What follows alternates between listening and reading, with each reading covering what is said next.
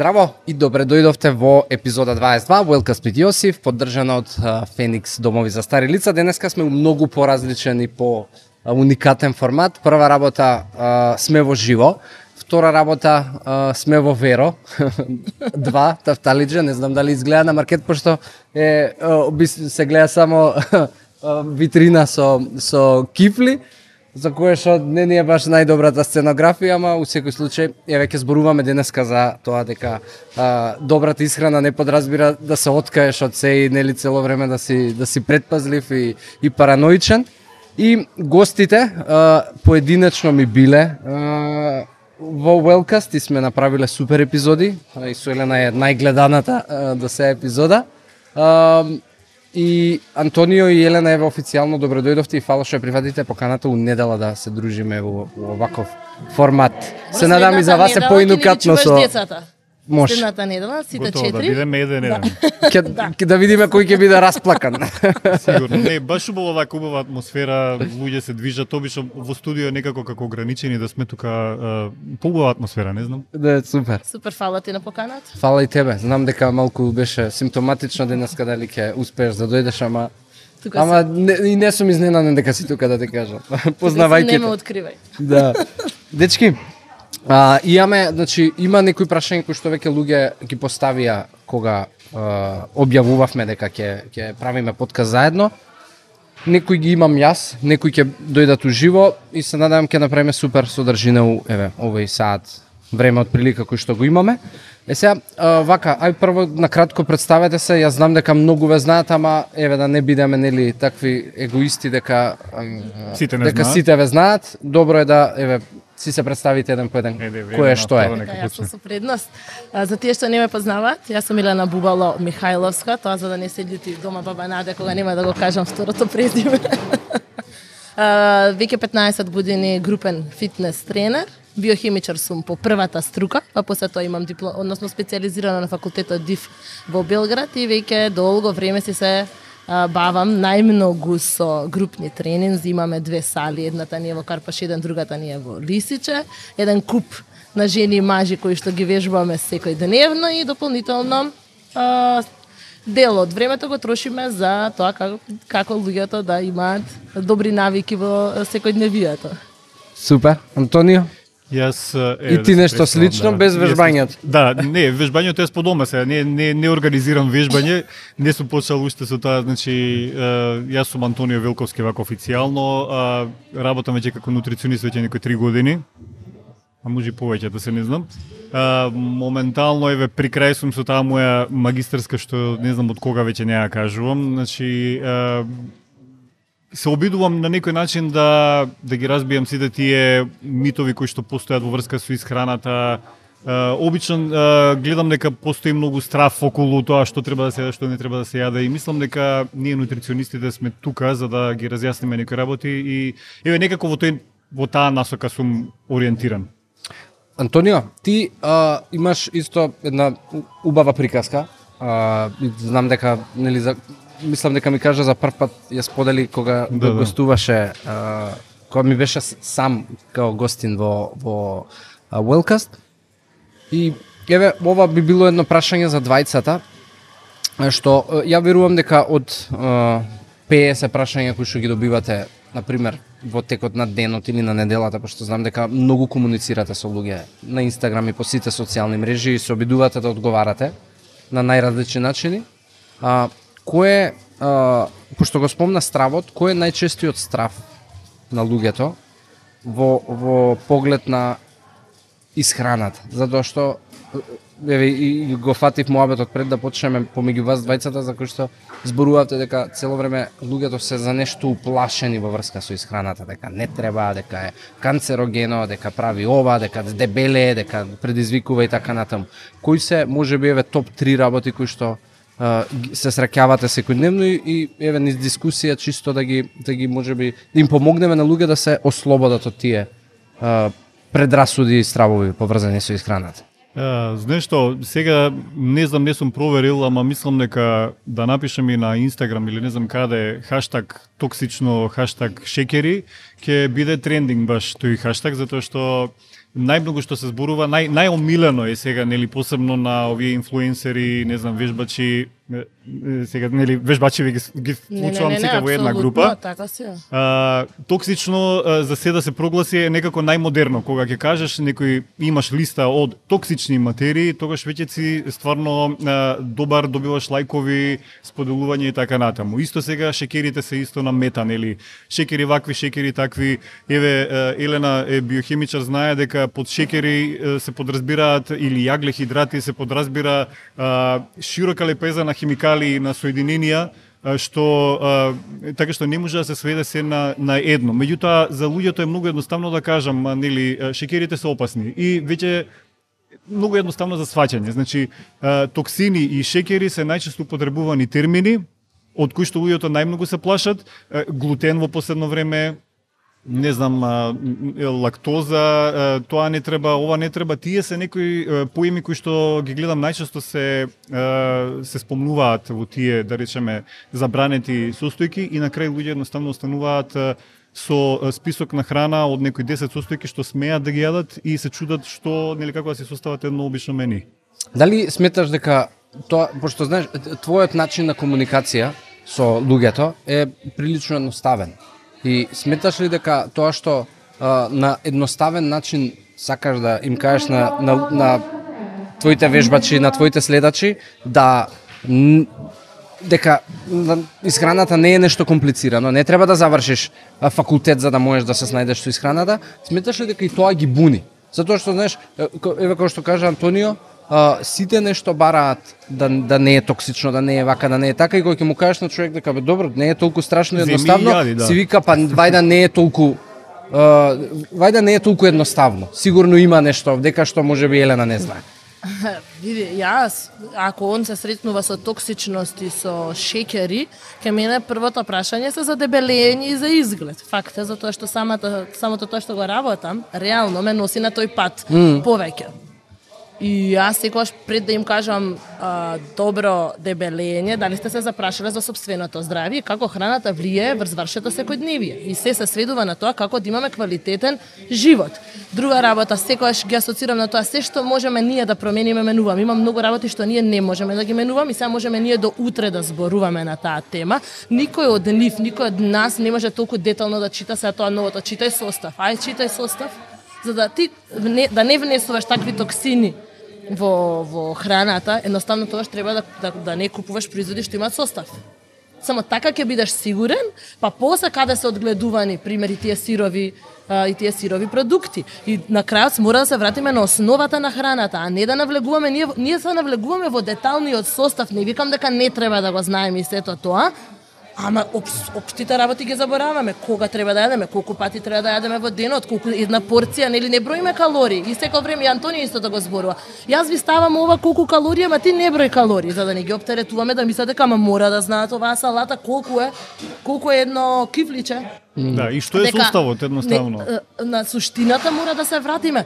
После тоа детално ако има здравствен проблем, што правиме? Па после тоа одиме на нутриционист да видиме дали нешто од тие работи нас не предизвикува дополнителен здравствен проблем и не смееме да го правиме. Ние не сме стигнале да смениме суштината на исхраната, секојдневниот начин, количината, квалитетот, разновидна исхрана, да знаеме што се макронутриенти, тоа е основа. Колку и да звучи уф макронутриенти и микронутриенти, ма тоа е основа.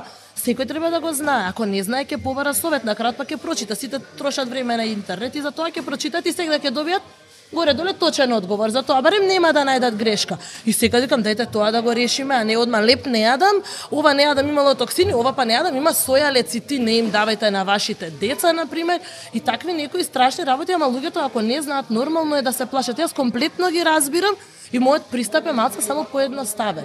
Кога ми треба нешто посложено, јас веќе се тргам од тука. Ако е здравствен проблем, има подруго стручно лице што ќе го што ќе го реши тоа, не треба сите да одиме во тој правец. Мораме да ја, да ја научиме суштината на исхраната, што нас ќе ни даде поквалитетен живот, поголема енергија, да се чувствуваме убаво, да го пренесеме тоа на нашите деца, на блиските, па и на возрастите малце да ги да им го смениме начинот на живот и после тоа се сложам дека може да одиме и во поголеми детали со исхраната. Не, баш тоа а, што спомна и ти предходно, а еве и Елена, кога ќе им дадат, вака кога ќе им даде човек порелаксиран пристап кон исхраната на луѓе, ти си веќе во групата на тие што не знаат. Значи, повеќе има доверба во некој што ќе стави список на забранети намирници, што ќе стави тоа не треба, тоа не треба, тоа е штетно, тоа дебеле е, тоа не знам што, отколку ако им кажеш порелаксирано, ева како што вели Елена. Значи, да почнеме од основата, состав на храната, значи, да видиме дали имаме доволно протеини, јагле, хидрати, масти колкави порции јадеме, колку често јадеме. И некои такви работи прво од тука да почнеме. Од основата. Од да основата. А после во некои специфични работи ако нешто ни пречи на здравието, тогаш да размислуваме. Прво да изградиме основна порција, да видиме да се навикнеме да јадеме е, порелаксирано малку. Тоа види, и тоа тоа по мене можеби и секогаш има една поговорка вели секогаш кога не ти функционираат работите, врати се од почеток, на основите. Баш и тоа така. се основите и многу добро го срочи дека луѓе често мислат дека ако им го кажеш тоа дека ти не знаеш и колку да ги нели колку само да да им пишеш и да ги Така. нели А да, замисли да на ги овој тргнеш. тежок и напорен живот луѓето со тоа да се замарат и да се оптеретуваат, тони нема ништо да направат. Тоа ќе трае ден, два, три и ќе се сведе на тоа што не треба да јадеме, не треба така да ги гледаме работите. Треба да ги гледаме, дај што да јадам, да внесам поквалитетни Да намирници во текот. да. Да, обратниот, а не се што не треба. Тоа тоа и од децата го гледаме дека правиме контраефект, кај себе правиме контраефект. Да. А кој е еве почетник кога сака нешто да да менува во исхраната? А, односно да да се стави во некаков ред, не мора да е сериозен проблем или не знам да е патолошка дебелина или нарушување во Апсолутно исхраната. за добро чувство да смени нешто во Да. исхраната, Точно. општо да смени Ете така. Како како може би изгледа некој нај неидеален процес, ама може би а, а, еве стратегија која што вие ја препорачувате за од една страна да не биде прекомплицирано да не звучи изгледа, а од друга страна да биде а, едноставно за примена бидејќи она што еве јас го имам гледано со луѓе е дека некојаш на ентузијазам почињаат со да менуваат се и да знаеш и да прифаќаат се а, од не знам од нели редовност на оброци, пиење вода, вежбање, фастинзи и така натаму, знаеш, пробуваат наеднаш да жонглираат со многу топчиња. И најчесто се случува крах после еден Токму месец гледаш дека ти немаш месец, време. не месец? Која е која е еве стратегијата што вие се обидувате да ја наметнете на на човек почетник? Вака, значи јас обично кога почнувам со некој да се работувам, обично сите одат на Еве, ќе земам некој што, да речеме, е, е во категорија надхранет според индекс на телесна маса, нели, зборуваме со малку вишок килограми, mm -hmm. според тие стандарди. Обично, нели, кога ќе се отиде и се дава некоја строга диета, само на сокови, само на салати, за брзо да ослаби, за да може да го ставиме на стори. Меѓутоа, јас одам по еден обратен правец. Да почнеме чекор по чекор. Обично или им нудам а, на клиенти а, само некои рецепти, или да речеме ќе им понудам програма за која што ги советувам прво да почнат дел по дел да ја применуваат. Сега зависи нели клиентот колку какви му се биле претходните навики. Ако претходно имал баш навики да јаде само нели тестенини, само шпагети или не знам исклучиво само на месо, во разни крајности влегол, тогаш ќе одам уште побавно со со чекорите. Прво да одиме со тоа, гледам да видиме и ќе ми каже сега што да тоа почнав да не јадам. Не, викам да оставиме тоа што нема да јадеш, да почнеме со тоа што да вметнеш во исхранава.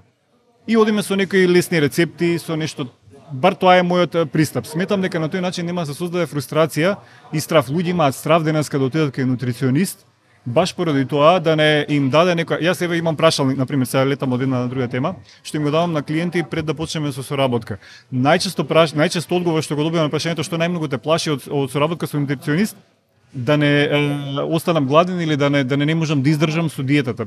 Кога одиш на нутриционист не треба да те научи нутриционистот да, држи- да држи диета треба да те научи на поздрав начин на исхрана. Кои намирници што дотогаш ги немало во исхраната постепено да ги вметнеш поможност тие што да речеме изобилуваат, а најчесто во нашата искрена изобилува е, или скара или тестенини, малку да се намали нивниот процент, значи постепено тоа доди, а не како што викаш ти, одиме сега со фастинг, одиме со сокови од сабајле, па на пола саат требало ленено семе да се јаде, па на пола саат требало, не знам, неколку бадемчиња да се каснат. Тоа е преголем терет, до кога така? недела, две, месец, два, три, можеме цел живот така да функционираме? Не. Повеќе јас одам од обратен правец. Прво да вметнеме тоа што ни треба во исхраната, па после постепено се прават корекции на, на вкупната исхрана.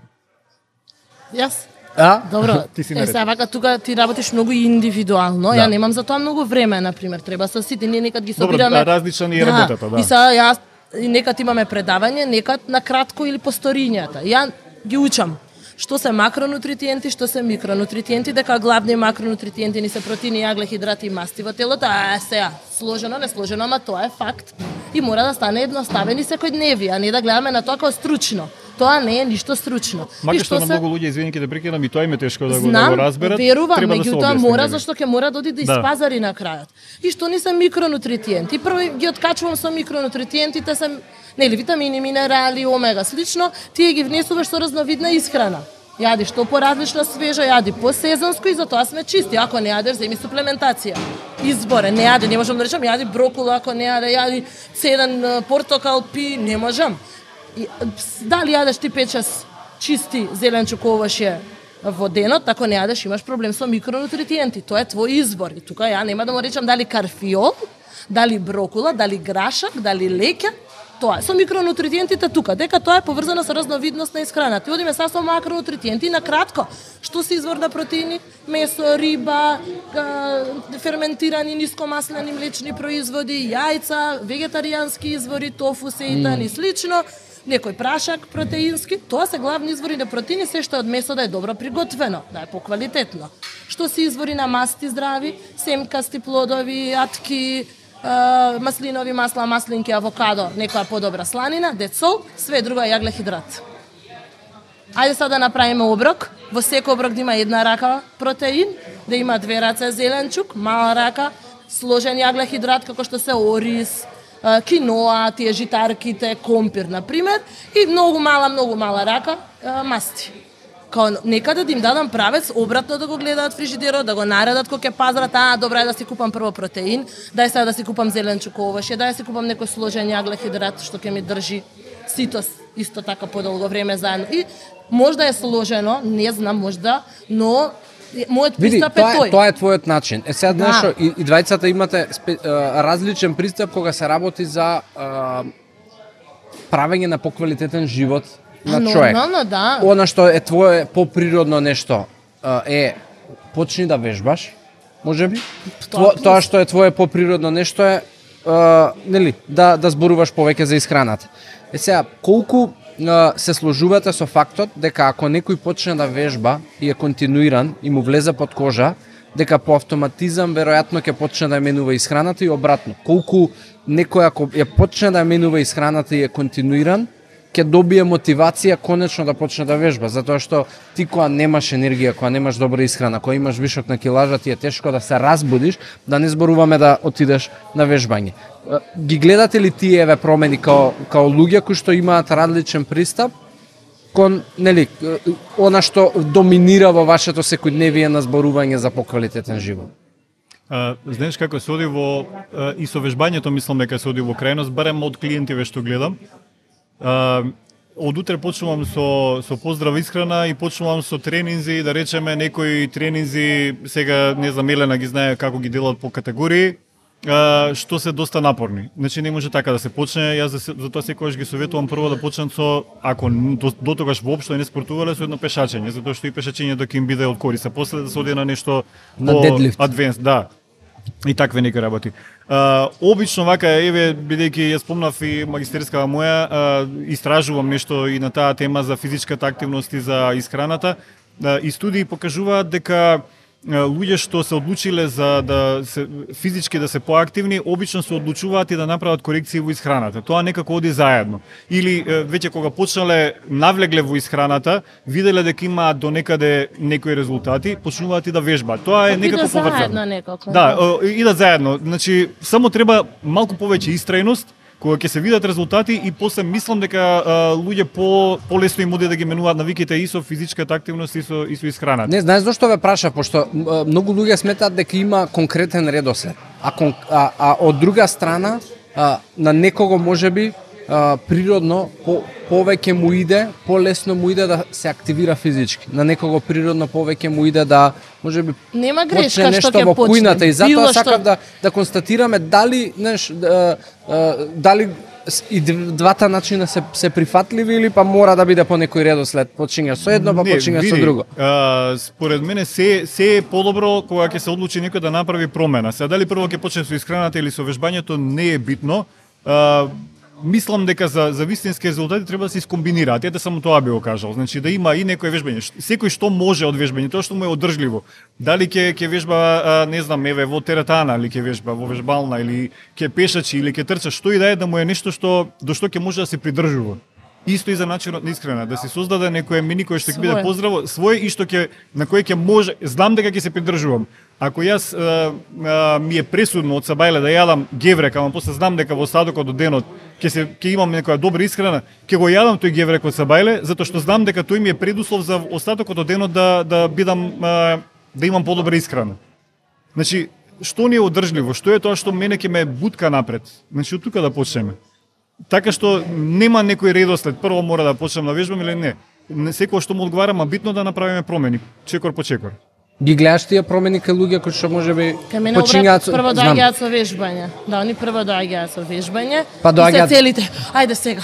а, Кај да почнам со исхрана, колку пати да вежбам и се се прашање, чекате полека, ајде прво две недели само да вежбаме. Да го ставиме телото, да не му правиме радикални промени денеска само тоа тоа тоа затоа што е краткорочно да не се да не се повторува, меѓутоа одма се заинтересирани за се. После недела две дали посебно, индивидуално, зависи кога се запишале, сега да не навлегувам во нашата работа, дали се држи предавање и слично, па после навлегуваме во тоа како да почне да ја промени исхраната. И пред да ја промени некој исхраната, треба да знаеме што правил до сега, за да знаеме што треба да му промениме, пошто нели најлесно ние овие работи само да ги кажеме, треба да знаеме што работи, како работи, колку сати седи, не седи, се движи, дали има деца, нема деца, саме студент има еден куп, не може ти на студент средношколец и на Антонио да му дадеш исто да јаде, така мора то, и тоа не и тука веќе стануваат сложени работите, меѓутоа си ја сакаме работата и даваме максимум од тоа да го извадиме дека тој студент еден само омлет ќе јаде од сабајле секој ден, ќе направи некаква салата, секоја вечера ручек некаде надвор или што пратиле. И Мама и тато и тоа е тоа, три оброка на ден, на крајот ние имаме супер кујна, ние со да. количината имаме проблеми со грицкањата измеѓу. Ние јас секад им викам, вие дечки да се задржите на вашиот доручок што сте го јаделе ручек и вечера и ништо друго да не јадете за почеток таа промена да направат, они одма ќе имаат резултат. А, тоа сакав, ми инспириравте се со Муабетов, К- се борите ли и како успевате да се борите со пренагласени а, состојки кои што, знаеш, некако трендовски доаѓаат од типот ставај се лук во све. Маслиново посипува салатата, многу било здраво, брокула и така натаму и цело време има некаков тренд, па и во, вежбањето тоа се случува, така пренагласени вежби. Хип траст, утепај се, така, прави го ако можеш секој ден. се налутат и- се, ако, ако може стварно секој ден ќе се прави да знаеш. Да, како како успевате Мене не Да. ми е омилена вежба, така да не се вклучувам тука во боеведот. како успевате да се борите еве со пренагласени состојки или типови на вежби кои што знаеш некако излегуваат од нигде никаде и нели ова прави го и готово ова ќе биде ќе те реши. И, и ќе ти ги ќе ти испере од сите гревови кои што ги правиш текот на денот. Е, знаеш што, кај мене кога доаѓаат, прво, сега Елена ка каже, нели, за вежбањето, не знам како е во тој процес, кога доаѓаат кај мене ми кажуваат, јас isfрлив а, благо и леп и не ослабев. Значи, никоја состојка одделно, да, никоја состојка одделно не може да ти придон... Или а, пиев сок од цвекло и од морков и не ми се подобри имунитетот. Значи, никоја состојка одделно, никоја храна одделно сама Тоа е по себе сериозен процес во Да, телото. не може да не може нешто многу да да смени. Вкупната исхрана и е, да речеме колку оброци или тоа што вика Елена, е, постојаното грицкање, јадење, да видиме што е, каде се собираат Или тие нејадење. Или нејадење, да, тоа е веќе па и друга крајност и тоа го има.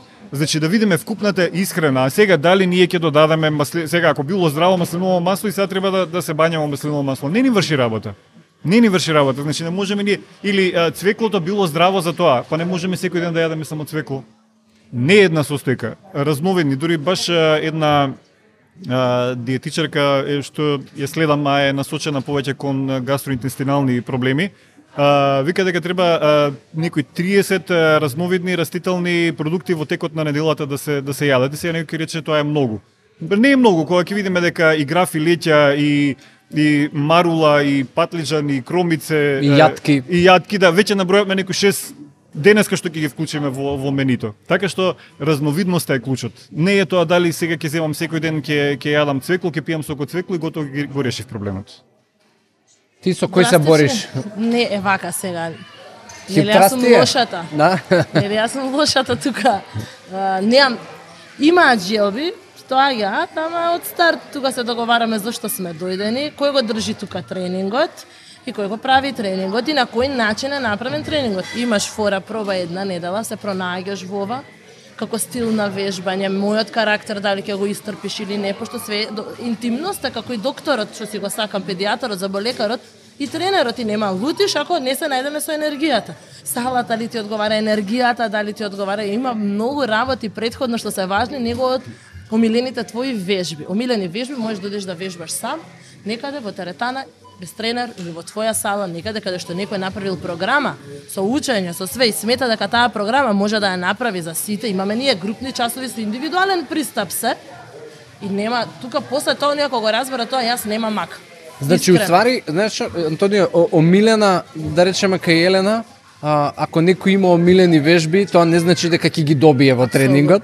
За разлика од кај тебе во исхраната, ако некој има можеби омилени продукти, најверојатно ќе ги добие, пошто па тебе ќе ти биде полесно да да да си сигурен дека ќе ќе фати некаков ред отколку да му речеш не не може тие да ги да ги Ке, прави. е, знаеш како, јас гледам да се најдам некаде на средина со со клиентите, значи вежбањето е друго, друго Да, да, е да, друго е Дебатираш, истината, дебатираш. Да. Баш дебатирам многу често и на пример еве не знам чоколадово е стално проблем и знам да го ставам некојаш во дали во овесна каша, дали во некоја овошна салата, чисто да им биде примамливо на луѓе и да не се чувствуваат промената на исхраната е доста емотивен момент така што да не се чувствуваат дека се дека не се свои во својата кожа. Ама и многу стресно се доживува веќе. Се доживува, да. Ти да. е страв да правиш муабет за исхрана, како ќе те доживеат луѓето, како ќе те осудат другите.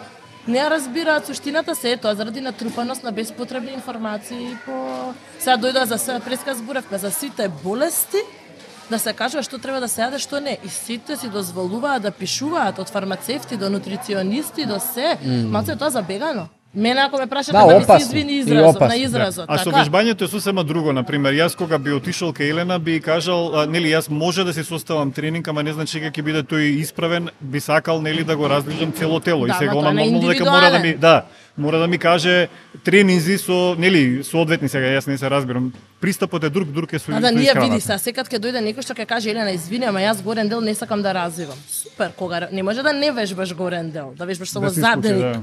Ќе работиш со мали текчиња горе или бодивејт тренинзи ќе правиме. Елена, јас имам проблем со нозете. Мене дури ми се случувало што да бараат изолирани вежби за нозете, као да се исклучи квадрицеп за не се вежби. Викам, не може, не сум теретана, нема машина, јас како да ти го Да изолирам. Да. Има нешто, ама нема да се ставиш во тренингот. Тогаш или вклучуваме трчање или оди вежбај со, со, со машини. Не можам јас тоа да го направам. Ама мора да сме реални. А важи дојди, ќе направиме. Нема да направиме како да направиме, ако имам друг концепт. И затоа не е лесно да го објаснам мојот вид на тренинг. Треба да дојдеш. Групниот час не е едноставна работа, ама ма- мислам дека кроз годините веќе 15 што се случува, веќе знаеме ние како со овие проблеми, да ги речам, не се проблеми, него се одредени индивидуални ситуации да се носиме кога ќе кога ќе дојдат. Ама се сменија многу работите. Јас барем во последно време работам многу со возрастни жени, со девојчињата што ми се веќе се од порано, они си ја знаат све си тераат со мајки каде што апсолутно не им ја гале што им даваш да вежбање. Они дошле за друго тука, да се чувствуваат убаво, да изгубат некои калории, да тонизираат мускули, енергија, грб ги боли, врат ги боли, спондилози, не спијат квалитетно. Буквално ова темпо на живот им е и никад па 80% не ни зна... Она не се ни замара хип трас за што е. Као јас и ќе им кажам, бе, ајде малце нешто и на зvezанци, ајде иде лето, едно, друго. Не, не, нема потреба, супер ми е мене ова. Да, да, Ама зависи веројатно- со клиентите со кои што работиме веќе. Тоа многу е индивидуално. Не Веројатно значи дека помладите генерации им, имаат и поише време да читаат и да И нема грешка. Боле тоа да читаат и да знаат и да се едуцираат, па нека биде тоа само за одредена мускулна група. Се е тоа подобар избор него да не го прават. Да. Тоа воопшто. А има од од прашања кои што добив, па можам да кажам дека поише од 50% се од девојчиња. пред подкастов и, и некако природно девојчињата и женската популација повеќе се свесни за исхраната, за изгледот и некако е тоа, знаеш, и, и можеби наметнато од порано, но еве има многу често Антонио верувам и ти се среќаваш секојдневно хормони. И, и неколку прашања доби во врска со, со циклус, м, нередовен и, или воопшто го нема на, на одреден период, а, и, и а, хормонални дисбаланси. Знам дека си предпазлив во тој дел, нели, не си а ова правите, јадете, ставете 20-30 грама, но кој е, од каде еве, како човек да, знаеш, толку е тоа комплексно, еве, знам, а, сопругата моја имаше а, ради процедура за IVF, а, јајници скоро да изгореа, а, инсулинска резистенција закачи и тоа се тоа е толку тешко и комплексно ти толку е фрустрирачки да си дисциплиниран а да не гледаш резултати никакви да треба можеби да поминат 6 месеци пред да видиш некој сантим помрднување Да. а, во во и, и на крвна слика и, и телесно. Како а, што ти би советувал да една жена како да издржи, како да си помогне, па и во делот со вежбањето, затоа што, знаеш, а, и вежбањето може да биде и помагател, дефинитивно, но кога станува и, и можеби а, одмагач во во а, во, во, во прогресот со за, за цел да ги средам можеби хормоните. Вака, значи, прво, под хормонски дисбаланс, нели, кај секого различно се, различни работи се подразбираат. Никогаш хормоните не ни се совршено избалансирани, нити па постои некоја храна за балансирање хормони, колку и тоа да, да звучи сега тренд и да, да се рекламира. Меѓутоа, ако се прават промени во исхраната, може би ќе дојде до тоа некое балансирање на, на хормоните. Кај жени што е, е најчестиот проблем, овој синдром со на, на полицистични јајници или кој што се поврзува и со инсулин резистентност и со покачен тестостерон најчесто или покачен естроген исто така доста се забележува од најчестите нели случаи. Со храна на вистина оди побавно, меѓутоа ако се стави некој мал ред на на исхраната веќе би било би било подобро. Например, што ме праш, што спомневе конкретно инсулин резистентно затоа што многу случаи има кога инсулинот е покачен, уствари не се врши работата, поточно не ги внесува не го внесува јагле јаглехидратите не ги внесува во клетката, не не успева. Најчесто во такви случаи тие се поврзуваат со полицистични јајници. Сега да не навлегувам како се до тоа настанови, како е поврзано, меѓутоа и, покачен е тестостеронот, па нели се појавуваат и влакнетост, можеби и други последици кои што доаѓаат со тоа. Е, Прво и основно, а, значи да се воведе некој ред во исхраната со тоа што нема да се да се јаде 24 часа, туку ќе се направи некоја а, пауза, да речеме некои 12 часа, еве некоја поблага форма на тој интермитентен пост што е сега доста доста популарен. А, прво да се почне со тоа, второ да се почне со некоја пауза, еве на пример вежбачиве често пати знаат да форсираат јадење на 2 сати, требало да се јаде на 2 сати. Не, кај луѓе што се со инсулин резистентност 3 до 4 сати, можеби 5 часа е некоја разумна пауза меѓу оброци. Е сега кога ќе ги усвоиме прво тие работи да да да не грицкаме меѓу оброци постојано, не, не на секој половина час ние нешто да внесеме во уста, да оставиме малку да настане тој клиренс на расчистување на, на инсулинот од организмот, да, да му дадеме на организмот малку да се стабилизира. Зона а после- Е да, така, да. па да внесеме да внесеме друг оброк. Значи прво од тоа да почнеме. Е после почнуваме со тоа како треба да бидат распоредени оброците по јаглехидратните оброци да бидат несени во првиот дел од денот. Јас не викам дека а, жена со покачен инсулин, жена сега Општо е тоа за сите што имаат а, покачен инсулин. Не значи дека не треба од благо никогаш да се откажат, не треба никогаш да го јадат. Меѓутоа, да го планираат во, барем во првиот дел од денот ако во прво време не може да, да, да намалат на количината. Да не биде тоа доста навечер јадење, затоа што тие луѓе што се инсулин резистентни најчесто и, и се послабо физички активни. Е, тоа не е затоа што тие не сакаат, туку затоа што самата инсулин резистентност не им дава доволно енергија за да може да да функционираат нормално. А, значи прво да направиме ред со термините, после со составот на оброците и кога што се јаде. Јас не викам дека треба да се исфрли е, многу храна, меѓутоа и не викам дека баш треба и се и се што да се да се јаде и кога и да е, ако постои нели некоја диагноза правиме муабет. Mm посебно еве инсулин резистентноста што веќе ние ја спомнавме како како една како еден од е, една Честа од причини. појава. Да, честа појава. И кај мажи и кај жени, значи не зборувам само само кај жени. Така што еден мал распоред прво да се направи на оброците, а после зборуваме и за составот на оброците. Најчесто луѓе со инсулин резистентност многу често јадат исхрана што доминира со јаглехидрати некаде до 70%, малку повеќе да зголемиме на процентот на, на, на протеини, дали ќе бидат од растително или од животинско потекло, не е битно. Значи, некои комбинации, сега малку е сложена темата, за да Сложена можам да ја објаснам. И, и ја би додал и многу и многу карактер и може би знаеш Тоа човек кој што ќе те следи, повеќе. пошто е исклучително тешко да ти јадеш и тоа убав обилен оброк и да си гладен 3 секунди после завршување на оброкот. Во во случај на инсулин резистентност тоа не е невообичаено. Точно. Баш после обилен оброк да биде меѓутоа најчесто знаеш од каде да произлегуваат тие од недобро избалансирани оброци. А, затоа што на пример ќе се отиде кај некој било кој не знам што што нема доволно знаење и ќе каже дека дека има инсулин резистентност ќе ќе им даде на пример за доручек да јадат а, овоше или за доручек некој цеден сок каде се тука протеините? Не можеме само од сабајле на јаглехидрати. Ако уште од сабајле не го стабилизираме шеќерот во крвта, тогаш како очекуваме понатаму да имаме резултати? Елена, ти исто знам кој ќе обично на стори често знаеш да пишеш, поставете ми прашање. И нема нема а, кампања со поставете ми прашање кај што нема прашање за хормони, за циклус, за бременост и така натаму. за менструален циклус што губат. Да, Пошто дали нема тогаш треба да се вежба? Што е твојот став? Еве, што им препорачуваш на луѓе кои што Ја имаат? најмногу што имаме случаеви, освен Хашимото е проблеми со тироидна, да речем со полицистични јајници и слично, меѓутоа тука е само Јас тука одам со тоа дај да видиме што не сме правеле до сега, да почнеме да правиме, да оставиме телото во ред и физичка активност и слично да направиме убави промени. Толку можам јас да направам. Mm. Друго јас не можам ништо. Можам да ставам освен балансирана исхрана апсолутно ништо друго, нешто што ќе те држи сит следните 3-4 сати, што ќе ти даде енергија, умерена физичка активност и децол. Јас од тука не можам ништо повеќе. Прашање е кај кого тоа ќе помогне и во кој стадиум сме го начекале човекот, девојката, мажот, не важно за да нели храната помогне. Тоа не е така лесен процес од утре. Ти од утре само ги чувствуваш првите придобивки, енергија, а, не си прејаден, не си подуен, полесно спиеш, друго што ќе како тоа, да беше така магично стапче, се ќе се ќе се средеше. Тоа е едното и тука завршувам јас на таа тема. Јас понатака не знам. Мислам не знам. Знам ама за себе.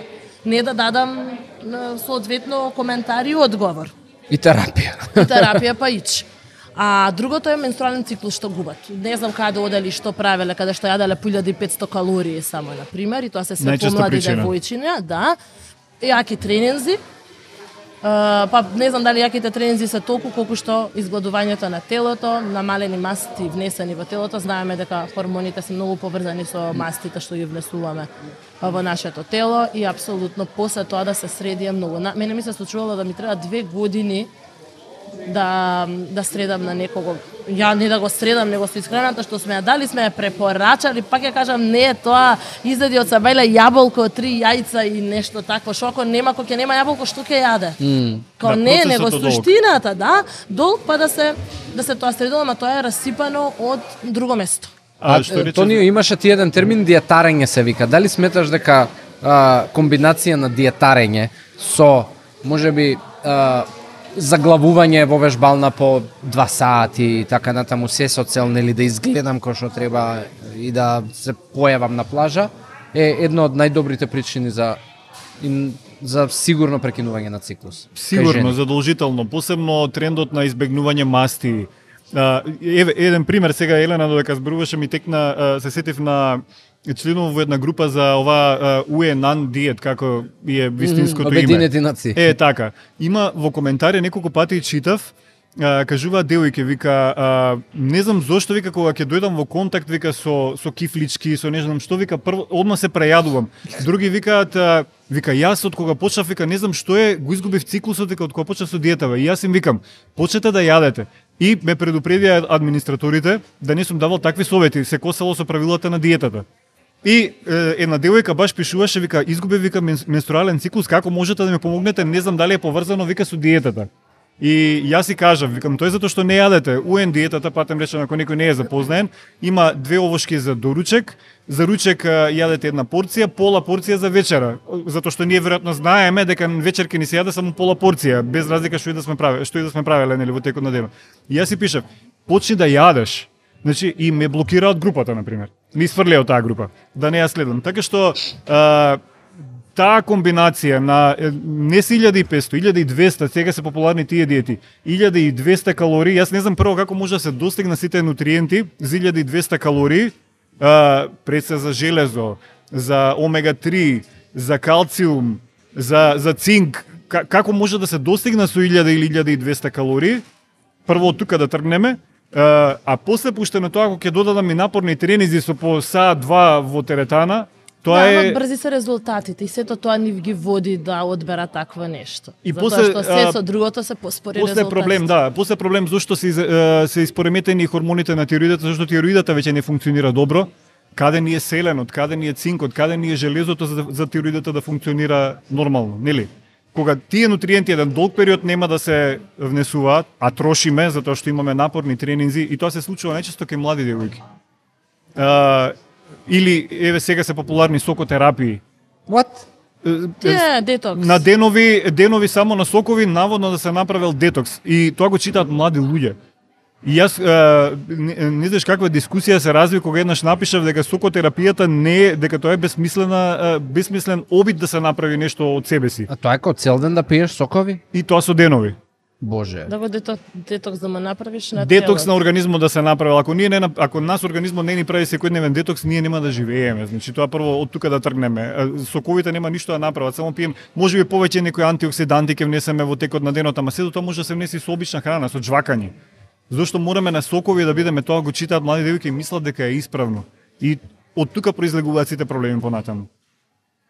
Или од премногу храна или од премалку храна. Ако се држи некој баланс, мислам дека не би можело. мора да сватат сите дека нема не постои една најдобра диета, една најдобра исхрана, една иста количина. Што важи за сите. И детокс напиток. сите.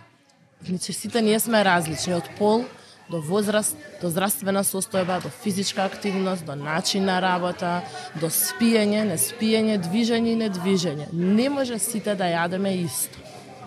Не треба сите, не може, затоа после тие некакви ригорозни диети, знаат кај некој некого да успеат сосема да му се погоди, супер да влие и кај некого да го направи тој проблем што после јас и Антони апсолутно ништо не може. Може ќе промениме, може и не со советите што ќе ги дадеме, толку е, тоа е толку во наша моќ. Ние ништо не можеме а, повеќе од тоа што може да направиме. Не нема шанси, после тоа веќе е на друго ниво, се оди со пациенци веќе на, на, на друга специјалистичка установа, не си кај нас. Да, со тоа што таму нема може да ти помогнат со искрено и со вежбање, па пак ќе се вратиш кај нас, да ни е, ете. Реално, кај нас многу малку се збори по клиниките за храна. Ајде да поидеме од тоа што ни даваат да јадеме кога сме во во болница, така така да ја не ни очекувам кој сака нека се навреди, кој сака нека ете а, има против тоа што ќе се каже, меѓутоа ние таму базичен немаме базична едукација за тоа како треба да се храни. И пак ќе се сведе на тоа дека ние сме тие што ќе помогнеме со исхраната, со, со физичката активност, а таму ако треба некаква синтетска терапија да се даде и да се помогне целокупно во тој процес. Да, секогаш мора да се искомбинира, нели? Значи, не може храната, да, она е леки, болести, се, ама не е тоа така црно и бело. Да, не може да се почне со промена на исхраната ако веќе и треба да се И ако примени пак се враќаме терапија. на да. нешто, ако ти не ја сватиш сега ова цело време што го збор- зборуваме ние суштината на исхраната, која е, зашто ти е потребна, све е џабе, све не, нема поента. Дали сте се у последно време дали сте се а, сте налетале на некое можеби истражување, а, статија, зборувам од релевантни извори, не нели од портали од кои што Од магазини. зборуваат за за нова диета или за детокс напиток, од кои што вие можеби сте имале аха момент, нешто што можеби вие сте сметале дека функционира на еден начин и сега дознавате дека уствари еј чекај ова ми е ново и, и функционира поразлично. Конкретно еве ти во исхраната, можеби ти во вежбањето нешто, еве ново, затоа што знам дека сте луѓе кои што не се лепат за тоа, нели, порано вака мислев и вака го кажав и сега не може никој да ме разубеди од тоа, пошто, нели, како ја ке егото не ми дозволува да да ме разубеди. Сте налетали ли на нешто на некои истражување и, и статија? Јас, на пример, за од нели кога сум додека студирав и и предходно за многу типови на храна, еве не викам дека не навлегов и јас во тој круг на токсично, на забрането, на ова влијае така, ова влијае така. И значи за многу типови на храна сум имал предрасуди. Не викам не, додека нели не сум навлегол малку повеќе во науката. Најголема а, вака најголем момент што ми направил да да си го сменам мислењето врска со исхраната е беше на студија што и ја ставив и на на Инстаграм, се не знам колку ја прочитала, дека со годините се набалува се забавува метаболизмот и е, дека како одиме компостери, што и да направиме, нели ќе се здебелиме, нели и ќе ни се наруши здравјето. Аха. А, баш пред некоја година имаше студија Нели тоа најчесто како оправдување си го наоѓаме. И нели јас сум веќе во тие години а, кога После имам- што, 40 да, не што и да направам не можам веќе да да ослабам. И имаше и и тоа беше баш релевантна студија, не знам, имаше некој добар а, примерок а, на луѓе а, испитано дека практично нас метаболизмот не ни се успорува до кај 60 и некоја година, кај мажите, кај жените до влез во менопауза, дека останува генерално ист некаде од 20-та година до од кога ќе помине нели пубертетот, од кога ќе помина тие а, помлади години, до кај 60 и некоја година за мажите, односно кај жените до 50 и некоја година метаболизмот ни останува фактички ист. Што- Е сега каде е проблемот што а, најчесто луѓе качуваат килограми нели како да нагоре. А, кај мажите конкретно нели со паѓањето на нивото на тестостерон веќе не сме толку ентузијасти за вежбање, за движење, повеќе да си подседнеме нели да да јадеме една добра вечера, а, друштво и така натаму, значи повеќе внесу... живот. Да, повеќе внесуваме храна со годините, а физичка активност ни е намалена. Нели, луѓе што имаат деца, па после по неколку години веќе обврските со децата се намалуваат. Реално со тоа и намалу, се намалува трошењето на енергија. Значи, промените во животниот стил се тие што прават ние во постари години да накачиме на килограми, а метаболизмот горе-доле останува ист барем до некои 60 Зборуваме за базален метаболизам, Базален метаболизам, да. на калории да, во 24 значи, часа. базален метаболизам е за тие што нели не не знам што е, тоа е метаболизмот што ме одржува во живот. Значи, а, калориите што ги трошиме само што живееме еве за моментов додека муабетиме, колку трошиме калории базалниот метаболизам не останува ист во текот на животот до кај некоја 60 и некоја година. Единствено што се менува е онаа варијабла на, на физичка активност, на на непланирано движење од типот на одење до продавница, чистење по дома и слично. Тие се тие промени што настануваат и така што организмот да не се го обвинуваме туку тоа што малку повеќе стануваме мрзливи или можеби кај нас мажите што малку помалку имаме тестостерон со текот на годините. Имаш ти некој вако? Јас во последно време дека нешто поново не, некако не знам. а, Ата нас може требаше за ова да го вражаме. Хуберман, Хуберман да не го спомне, да, изложувањето на светлина, он е обседнат со, со состанување со бајли гледање на дневна светлина и тоа да не те будат да Аларми. првото станување да не те буде аларм, да не го фаќаш одма телефонот а, да природно да го разбудиш телото, а не со кафе, со Ама телефон. тоа е многу исправно. Во првиот сат, значи ништо не фаќа, буквално, ни телефон, јас се три дена ми функционира четвртиот. Не, не се сите исти. Добро, ама пример не пија кафе во првите сати пол. Да, ја тоа го применувам. Да, на дневна светлина обавезно излегува после станување, телефон не зима. Он онака не го зима, него не му е проблем, ама првите сати никаква а, таква дразба да не го разбуди, него само она што е природно за да му се стабилизира после тоа времето за спиење. М, И онај а, сад.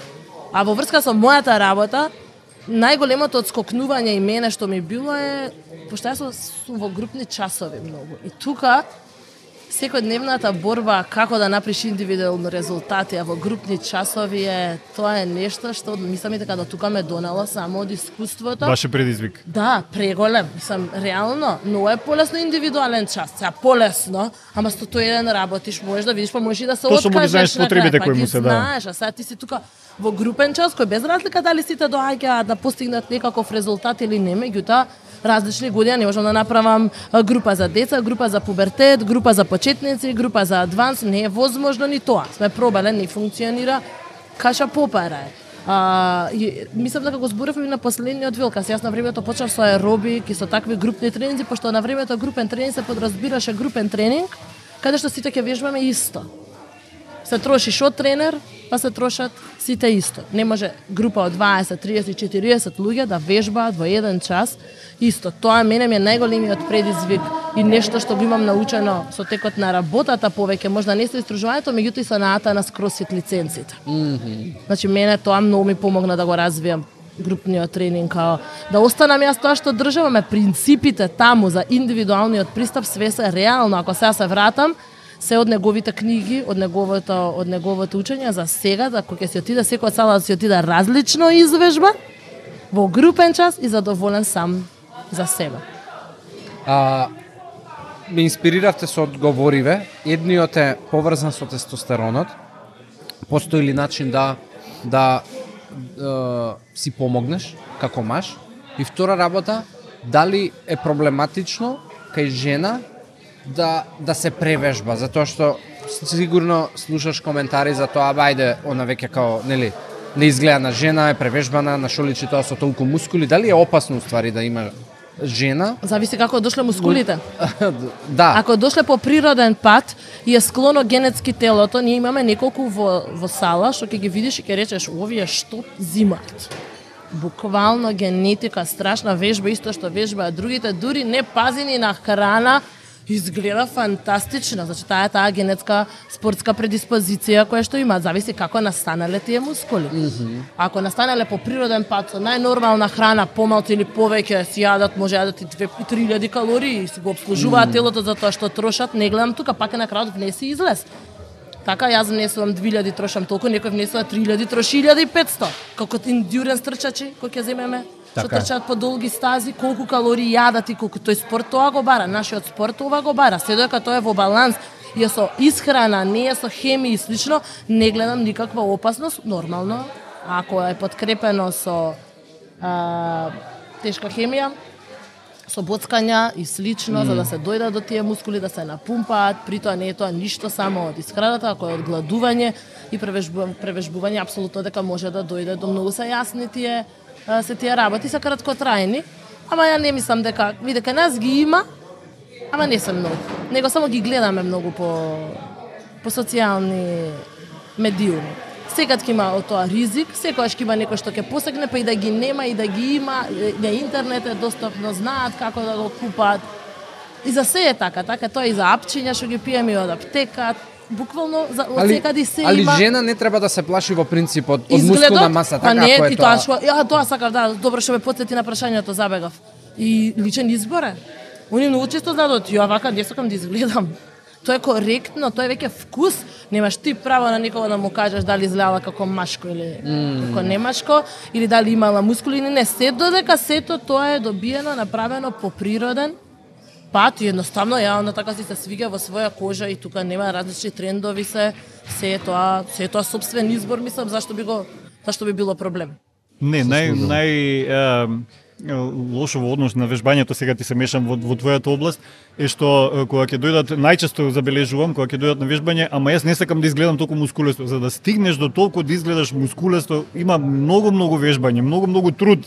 Значи, прво не може на прво влегување во теретана, и вежбам за раце и веќе ги имам мускулите, леле готово ставав мускулите. Да, Пре, преплашени од тежини, преплашени. Ма добро, да. тоа види, ако има Мене... соодветно кој ќе им го објасни тоа, доаѓаат истото го кажуваат, им кажуваме. Се смеам сега без четири пилиња да изедеш во денот.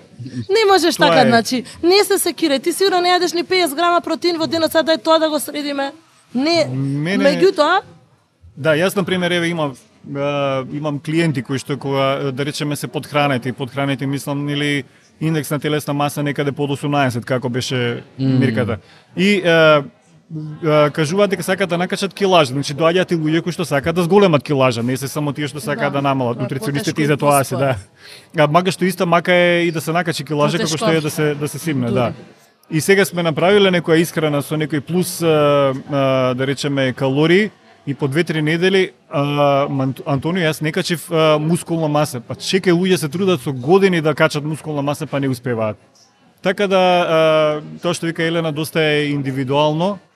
Тоа што треба само е истрајност со добра исхрана и со вежбање, а понатаму организмот сам ќе се одлучи генетиката дали ќе и до каде, до кој степен ќе стигне. За превежбаност, тоа е малку и така сега го размислувам прашањето. Едно е од многу вежбање и све тоа да е нормално за телото да не го истрошува. Кога зборуваме веќе кај превежбаност, таму и се троши мускулот повеќе него што се што се прави, тоа е опасно. Ама ако си воден од тренер, тоа нема шанси да се случи сам. Не, не, не, нема, нема никакви шанси. То- И се осеќа телото, имунитетот се намалува, вежбањето самото по себе троши многу од телото и бара повеќе да се внимава на исхрана, дали суплементација можда, да, да, да не се лажеме дека го бута имунитетот. Ние спаѓаме вона, нели кога ќе дадат список како ги намалуваме ете антиоксиданти во телото, како на телото му е потребно повеќе антиоксиданти, ќе ти кажат од пушење заради пушење цигари, заради јадење на мрсна храна, заради пиење на газирани сокови, сето тоа ти ги троши природните антиоксиданти во телото, нели? И на крај ти вика и спорт. Самиот спорт е стрес за телото. Така е. Создава една воспалителна да. состојба Како? после, да. И мораме тоа на тоа да водиме сметка дека го бутнува организмот доколку тоа не е контролирано и подкрепено со добра исхрана, добар сон а, и добра и квалитетен тренинг. А, Антонио, тестостеронот го спомнав. Дали препорачуваш можеби суплементација или конкретни чекори во исхраната за ебе мажи во, во години повозрастни зборуваме, не знам се точно после која декада веќе тестостеронот почнува да, прави Некаде над деклайн. 40 години, да. Океј, дали препорачуваш е, суплементација и, и чекори во исхрана за да не да се намали тој деклайн, пошто не знам дали може да се влијае да не се случи воопшто. Не, не може да се да се тоа е природен процес. А, прво а, движење и вежбање затоа што вежбањето придонесува за за покачен за повисок тестостерон, а второ суплементација и а, разни препораки само доколку е под некое ниво кое што е да речеме медицински Под референтни вредности Е, така, под референтни вредности, да. Само во тој случај, затоа што може нели и контраефекти. Има ситуации кога треба да се интервенира. Меѓутоа прво да се почне со доволно доволно движење. И со е, малку поправилна, подобра подобра исхрана, пак ќе речем, да. Поквалитетна исхрана, ама движењето мислам дека би придонело во најголем дел. Мака што на на години на наши, мислам мои години сега вие сте помлади, на кога одиме на 50 години малку потешко тоа ни оди со сите обврски, движењето е ми се чини пресудно во, во таа ситуација. Зборуваме барем пешачење или Па барем пешачење, ама јас би рекол и еве нека се почне со пешачење, да, а после нека се премене малку повеќе и со вежби со тежина, а, кои што а, нема да бидат преголемо оптеретување, ама сепак ќе бидат барем 2-3 пати во неделата. во ред види, може би некој ќе избере да се оптеретува, што не верувам дека ќе му наштети. Добро, секој различно, Дали да. зборуваме за тоа дека повеќе мускулна маса, значи дека и многу подобар, постабилен тестостерон, повеќе тестостерон, па и во 50 и во 60 години. Од самото движење, значи во организмот се се создава повеќе тестостерон. Значи движење какво и да е, меѓутоа и со повеќе мускулна маса, да. Мускулната маса на крај краишта со текот на годините ни е потребна и е, затоа што таа е е метаболички активно ткиво, значи таа опаѓа со текот на годините, посебно над 40-та, над 50-та година, веќе доста опаѓа. Е, мускулната маса ни е потребна и затоа е, препорачувам тежинско вежбање, посебно над 40-та година. Е, и масното ткиво е метаболички активно, ама не толку колку мускулното. Ако сака човек, значи вистински добро да согорува калории во мирување, значи пак зборуваме за оној метабо, а, базалниот метаболизам, треба да зголеми на процент на мускулна маса. Јас кога а, ќе речам дека треба малку повеќе да се внесат протеини во во исхраната и да се вежба, а, често пати добивам коментари, ама јас не сум вежбач. Јас не викам дека протеини се потребни само ако си вежбач. И не ги нагласувам претерано протеините, туку ги кажувам затоа што знам дека во нашата исхрана многу фалат. Недостасуваат, да. А, нагоре како одиме, опаѓа веќе мускулната маса. Со мускулната маса веќе ризикуваме да го опаднеме и метаболизмот, значи базалниот метаболизам. Не поради годините, поради опаднатата мускулна маса. Тоа Затоа треба да-. Да, затоа значи вежбање посебно а, над 40-та 50-та година не мора ние да бидеме бодибилдери. Така е. Текчиња некои полесни дома и да се вежба. Битно мускуливе да ги активираме. Елена, а, сигурно многу од вежбачите кои што доаѓаат кај тебе често знаат да бидат и со покачена килажа. Зборуваме и за сериозни покачени килограми.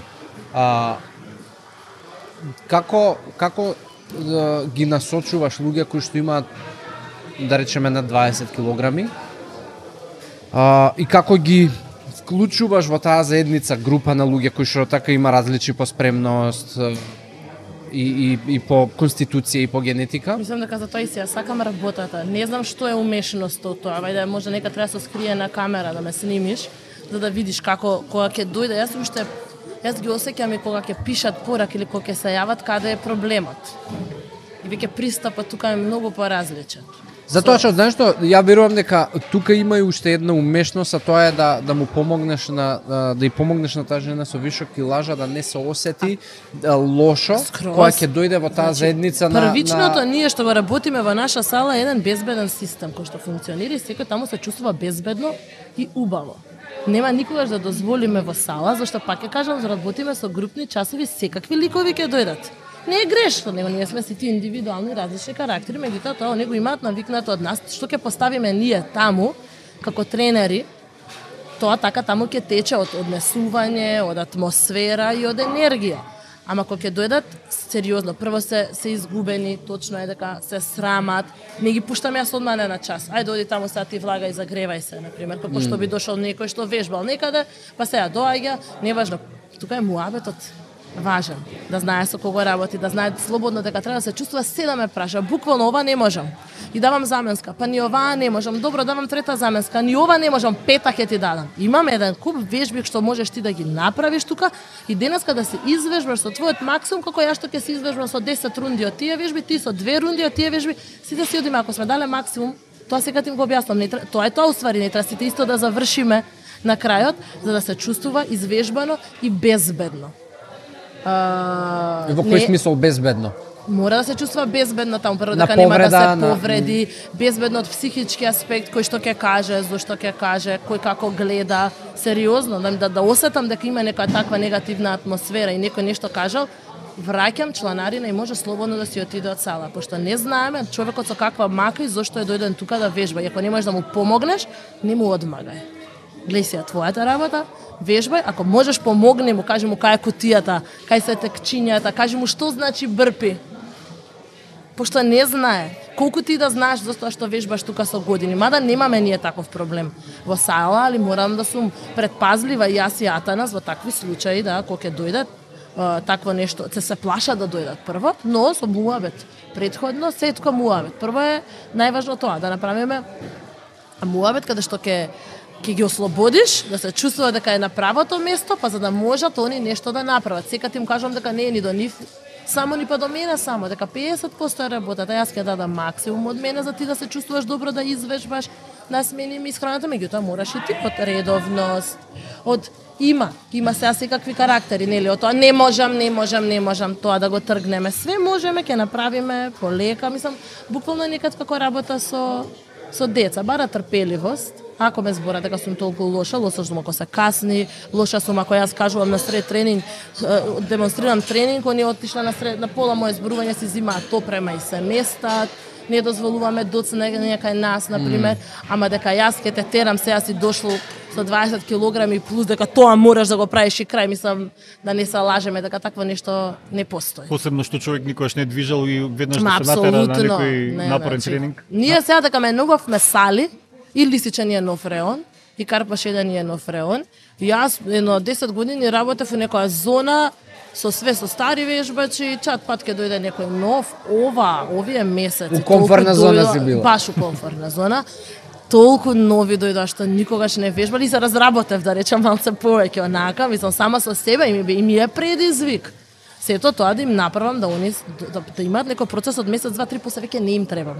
После им требаат луѓето што ќе се врзат у групата, да се слу, да се слушнат, да се се договорат, да дојдат заедно. Првите два, три месеци им требаме ние како како тренери да сме и покрај нив, и достапни, и дека треба да им дадеш до знање дека глупо прашање не постои. Како ова се што го зборуваме, го зборуваме нонстоп. Значи ја не знам ова кога некад не сме го кажале. Сама некад се прашам, добро, пак ли истово ќе го зборувам? Ја И пос- досадна. Па да, ама секогаш ќе има некој што не го знае и што не го слушнал, така и со нив. Нема глупо прашање, ќе ме прашате.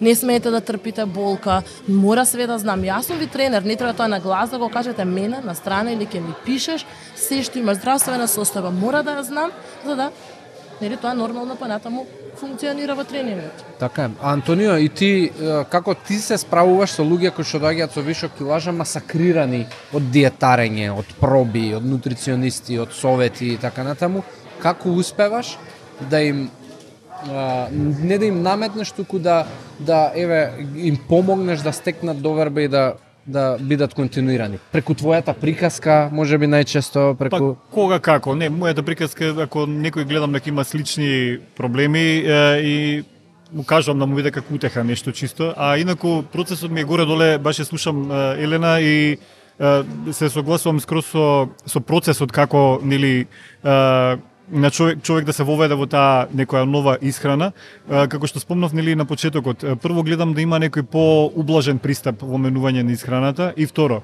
тоа што го каже Елена, да нема прашање што ќе ти останат само секогаш им кажувам тоа, дури и сум достапен на Вибер некогаш и, и за викенди и не знам како, само посебно на почетокот, посебно кај луѓе што имаат драстични промени во исхраната кога ќе дојдат кај нутриционист или предходно пробувале па нешто не им одговарало слободно кога ќе почнеме со таа програма или предлог рецепти или што и да е, поставувајте прашање. Не ми се јасни нели е, е, рецептите, не ми е јасна програмата, тешка ми е за. Се може да се најде решение само со соработка заедничка. Генерално не само на луѓе со више килограми, тоа на сите им кажувам. Со заедничка соработка, а, посебно првите месец два, можеме да стигнеме до негде. Ако а, клиентот на пример не ми реагира никако, јас мислам дека се е во ред, макар што јас ги подпрашувам ако сум како спам бар еднаш неделно ако ништо повеќе. А, ако ништо не ме не ме прашал, јас мислам дека се е во ред, а си го чува прашањето за себе, не треба на никого да му биде незгодно. Еве, на пример, кај Елена кога ќе дојде или ќе реч ќе каже, јас не можам тие вежби да ги направам. И тоа е тоа, не може, нели, дали може? Да, нема не е страшно. Така и овдека, нели, ќе ми кажат мене не ми одговара да речеме тој терк на на на оброци, па ќе најдеме некоја некоја средина или тие рецепти, јас секогаш им кажувам рецептите што ги понудувам не се тие нешто свето, туку се само пример Да во кој правец. олеснат, да, ви олеснат, ако не видите, ете па така. немаш идеја ти сам да склопиш. Значи, можеш да ги модифицираш, ќе ти кажа дели со текот на соработка да кажувам што е финтата во составувањето на оброците, ама ти после можеш да си ги модифицираш, така да еден постепен прираст и постоја, е, пристап и постојана комуникација со клиентот, тоа е мислам дека добитна Да, комбинација. и сега се надоврзувам ново исто е во двата случаи. Едно е кога е тешко, да беше лесно, сите ќе вежба и сите правилно ќе се хранеа. Значи, едно е кога е тешко, треба да е тешко и не треба да се плашиме од тоа да е тешко. Друго е кога е невозможно. Кога некоја вежба е невозможна, како ќе ќе прави, мора да најдеме начин. Кога нешто од тоа Антонио што го дал како храна, мене ја го гледам, пола од работите јас не ги јадам, што да правиме? Невозможно е тоа да се истера, Нормално. тогаш ги менуваме работите. А дека е тешко, сега не може да кажеме леле сега тука ќе ти биде тебе многу лесно. И со храната, и со вежбањето, абе како песна, ќе не, заедно е, има и падови, и спустови. Значи нормално е, се тоа е нормален процес, него истрајност, а мотивација нема, ама мора да има дисциплина, тоа го знаеме, мислам, сите го зборуваме цело цело време. Мора да се прави разлика од невозможно и тешко. Да, па и затоа мислам дека е успех од ваш, пошто знаеш, мора да го соочиш со, со фактот дека служи. Тешко е, но не може да не е тешко, зашто Не може, кај никого не може, јас ти ја давам Мене сега... ми е тешко уште врз со храната, мислам секој дневие ми е и сепа, мислам од сабајла кој ќе излезам, сега како што е топло. Па- Одам од сала и ќе ме викне некој на кафе. Никако со дурчеците, самата се мрдна в себе. Не ми е лесно, сакам да сум надвор, сакам сонцева да го искористам. Едно кафе, второ кафе, сваќам дека не сум си земала ни варени јајца со мене. Леле, са кој кој до дома, па треба децата да ги земам од градинка. Виќе за ручекот сум окей. Ради децата, морам тоа све да ми е. Самата се состави, мене не ми е лесно. Не секогаш ми е и мене лесно. и нас не мириса, така сега мириса и, и, и ние секој ден носиме одлука да кажеме не, туку Скроз. да да избереш. Еве, И јас после ќе си идам на свадба и се ќе јадам. Не, мене ми на е, јас на пример не го оправдувам пристапот, ќе ти дадам сега програма и ти мораш да се придржуваш до таа а, 100% и ако не се придржуваш да те карам сега, нели да бидам полиција, јас тоа го, го кажувам секогаш не можам да бидам полицаец, нели сега да се караме ти. Зошто не си го јадал тој поедок јас што сум ти го пишал? Затоа што не ми се јадало тоа. Значи, и често пати еве, им давам програми, затоа што сите кога доаѓаат кај нутриционист, сакам Да, програма. не ќе да го учиш. Да, сакам програма, добро окей програма и ќе запнат уште на првата или втората недела. Кај некој, нели некои успеваат да, да, да ги држат тие програми, ќе запнат. И е, не сум карактер, не успева да држам програмата, викам искрено да ви кажам, мене јас мене некој да ми даде програма, јас нема да можам да ја држам. Затоа што не знам дали тоа што некој ми го пишал ќе ми се јаде. Јас на пример сум имал клиенти што горе доле со некој калориски внес како мојот а, а, имале и сум си рекол дај чисто за да имам идеја да не се мислам што да што да правам Нивната. да, да, да нивното ќе го следам. Не сум успевал ни еден ден. Зошто? Затоа што луѓе сме, функционираме, еве што вика Елена. карактерот. Да, излегла, излегла некоја обврска, излегло, не знам, нешто друго што денес ми е непредвидено. Поентата е да знаеме како да ги составиме правилно обруците, а дали ќе следам некоја Да знаеме придобивката Да, тоа. некој начин да, на да исхрана. се вратиме на основата. да, некоја зошто? програма дали што ми ја осмислил некој нутриционист според неговите ставови, дали ќе ја следиме 100%, тоа воопшто не е битно. Битно е што ќе извлечеме. Јас затоа викам соработката со нутриционист нека биде еден мини курс за да Е, научиме да, како подобро, убаво да, кажано. да се храниме подобро. А дали ќе следиш програмата или не, еве ќе прекинеме јас и ти да соработуваме 2-3 месеци една година. Што после? Така е. Уште моите рецепти ќе ги верглаш. Да. Досадно е. Мора да научиш да да Да тргнеш- составуваш по твое, да. Така е. А имате ли вие ритуал во неделата за cheat meal? Ритуал. Јас немам ритуал.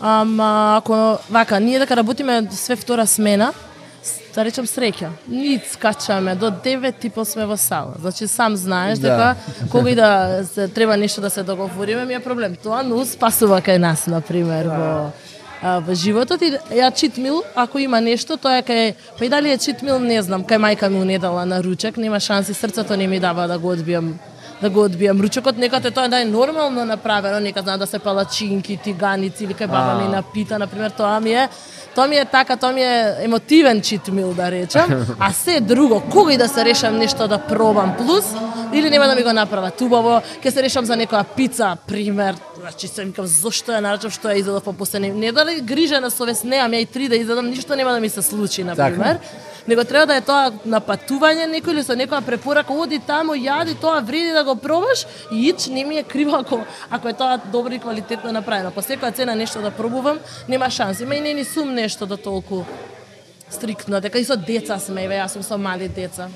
Мислам, секад има нека желба плюс да се проба, да се направи, нема јас тоа да им го скратувам, ја да јадам брокула нив, да им дадам негде нешто во ресторан да одиме. Не. Да. Ама немам ништо специјално, освен кај баба ми и мајка ми, така тоа ми е, кога би можела тоа да ми биде у неделата, би го одбрала тоа како како најубав. Што и да, дали е качамак, па не е ни тоа лошо, на пример, ништо. Не, не. Да, да, да, дали ќе биде тоа. Пита некоја домашна направена од ручеците на мајка ми од детство, мислам сега, сега што зборам и не сум доручкувана, ми проработа желудникот. Тоа ми е омилениот читмил. Така. Не знам, јас бидејќи сум а, човек со историја на eating disorder, така да ке мене нема cheat meal, не, не го ставам во групата на поими што го користам, затоа што ако нешто ми се јаде, го јадам. И не ми интересира дали е тоа, не знам, здраво, нездраво. Па, да, Си имам па доволно па здраво. напатено за да за да, да, го крстувам значи, знам дека ако ако едно нешто што сум го намислил да го јадам, а, се штедам, знам дека следниот пат тоа и му кажувам и на клиенти, знам дека следниот пат ќе се прејадам од тоа, а не сакам да дојдам во такви епизоди и тоа добро го одржувам веќе со години од како сум успел да ги надминам тие проблеми со мои проблеми со булими или сме правеле муабет и слично и не би сакал да ми се повторат. Така да ако почувствувам некојаш дека и сакам повеќе храна, мака што а, реално и не, не поднесувам нешто многу храна Па а, тоа е зашто одеднаш. сме навикнати се, знаеш, Да. прашањево така се викам леле стварно дали и ако ќе речеш пица, па не е штетна, него мене не ми одговара. Да, да, кога, на пример, еве, кога сум ја замислувал пицата како сум ја ставил на некој пијадестал, сум штетна. можел, да, сум можел да изедам една цела семејна пица без разлика што после нели ќе паѓам во несвес. А, немам потреба кога ќе ставам на на исто рамништо со секоја друга храна. Не сега дека јас совршено функционирам Ма не или не знам 100%. што, туку сакам да кажам, а, ако некоја храна ми се јаде, ќе ја јадам и не ја сметам воопшто за чит или не знам зашто, туку едноставно храна што ми се јадала во моментот и тоа е тоа. Супер. Недела е денес и обично го посветуваме на семејството. А, барем и еве и нас не е тоа ритуал. А, дома одиме кај кај бабата, дедото или кај кај моите во Велес. А, дали во делот еве на исхрана, на вежбање, на на наметнување на навиките здрави, добри, некојаш чувствувате страф или желба, еве, за своите, можеби, деца, дали ќе го следат мојот пример, дали правилно им зборувам, да не им создадам знаеш, контрапродуктивно за тоа дека сум ја можеби толку посветен на исхрана на вежбање, они да не отидат у друга насока, или можеби за ваши сакани во фамилијата, дали се соочувате со такви проблеми? А, и, и, и дилеми да сакате да на некој од вашето семејство му, му всадите добри навики, а тоа да не ви оди од рака или да ви оди добро од рака. Да, тоа е многу личен пример. Јас живам во заедница со свекор и свекрва, кои што после претрпен мозочен удар и канцер, не им треба јас за да се освестат и да живеат поквалитетно. Се случи нешто вака, преку ноќ. Јадеме сите заедно и они готват кога треба некоја работа јас што не знам или не ги правам, не не знам, него едноставно полесно ми е сека све крваме да ги направи, а и се хранат многу добро. Јас им помагам само со Атанас каде што не знаеле зошто е тоа така, на пример. Mm -hmm. Меѓутоа, нив животот ги донесе до тоа, до тој степен да преку ноќ си ја сменат својата исхрана со наша помош да им исклучиме хронична терапија, на пример каде што имавме случај да на свекор ми му кажат немаш зошто да не јадеш прзани кобасички секој ден кога пиеш терапија за триглицериди. Добро, не се расправаме, нели? Тука ајде како нема да јадеме, како ќе возиш секоја да се бајле велосипед и се не пија хронична терапија, на пример. Нели, се тука пробуваш на друг начин да го смениш тоа. Ама сме па во заедница. Кога се гледа, и кога ај на пробајте направи ова, и со што е ој, како ова, ова е с јаболко и волко е убаво и нема пет лажици шекер пример внатре. А ваму од другата страна, кај моите родители, кај баба ми и дедо ми, кои што се уште со нас, а, нема шанси. Значи се гледаме еднаш неделно и е тоа тука не се ни бара совет, дури знае некојаш да биде као еве овие сега нема ни ова, што се ова нема да го јадете. Као такви коментари се носиме со тоа, ако побараат не можеме да наметнеме, тоа се години. Се зависи од стилот на од стилот на живот. Јас не гледам дека кај нив тоа ќе направи некое а, пореметување нивната исхрана каква што е, зависи од работата што ја работат на пример и слично. А кога станува збор за децата, баш тоа што го кажа, такво чувство некогаш имам да не знам у кој правец у кој правец терам со тоа дали да, дали не, што треба и са некако сата нас наоѓаме само муабет као да, може ама да објасниме што е тоа. Да објасниме дека ете, тоа ќе се расипат многу забите, дека не треба да јадеме десерт, на пример, после јадењето, дека тоа е дупло калории од оброк, дека нема проблем, нека има десерт, ама ајде нека помина два часа, па изеди торта да, и киндер да, не, не важно што. Као на некои такви навики да им стварам, навики да им направам, а не да им забрануваме, не им забрануваме, значи во воопшто се. Има работи што стварно не сме тоа, па и нас те забранувале одредени работи кога сме биле са. Родители сме, не е тоа најправилен начин може на воспитување, ма сите си имаме свој, ама ги учиме и зборуваме со нив. Да, да им направиме само добри навики. А што ќе биде понатака кога ќе почати на училиште, му Антони има поголеми деца, а, и сето тоа Тогаш сепак си ги опасно. верувам и вајда ќе треба да дој стравувам многу зашто јас и сега зборувам на таа тема и сум зборувала, а не сум свесна, усвари сум подсвесна дека може утре мене тоа ќе ми се ќе ми се случи.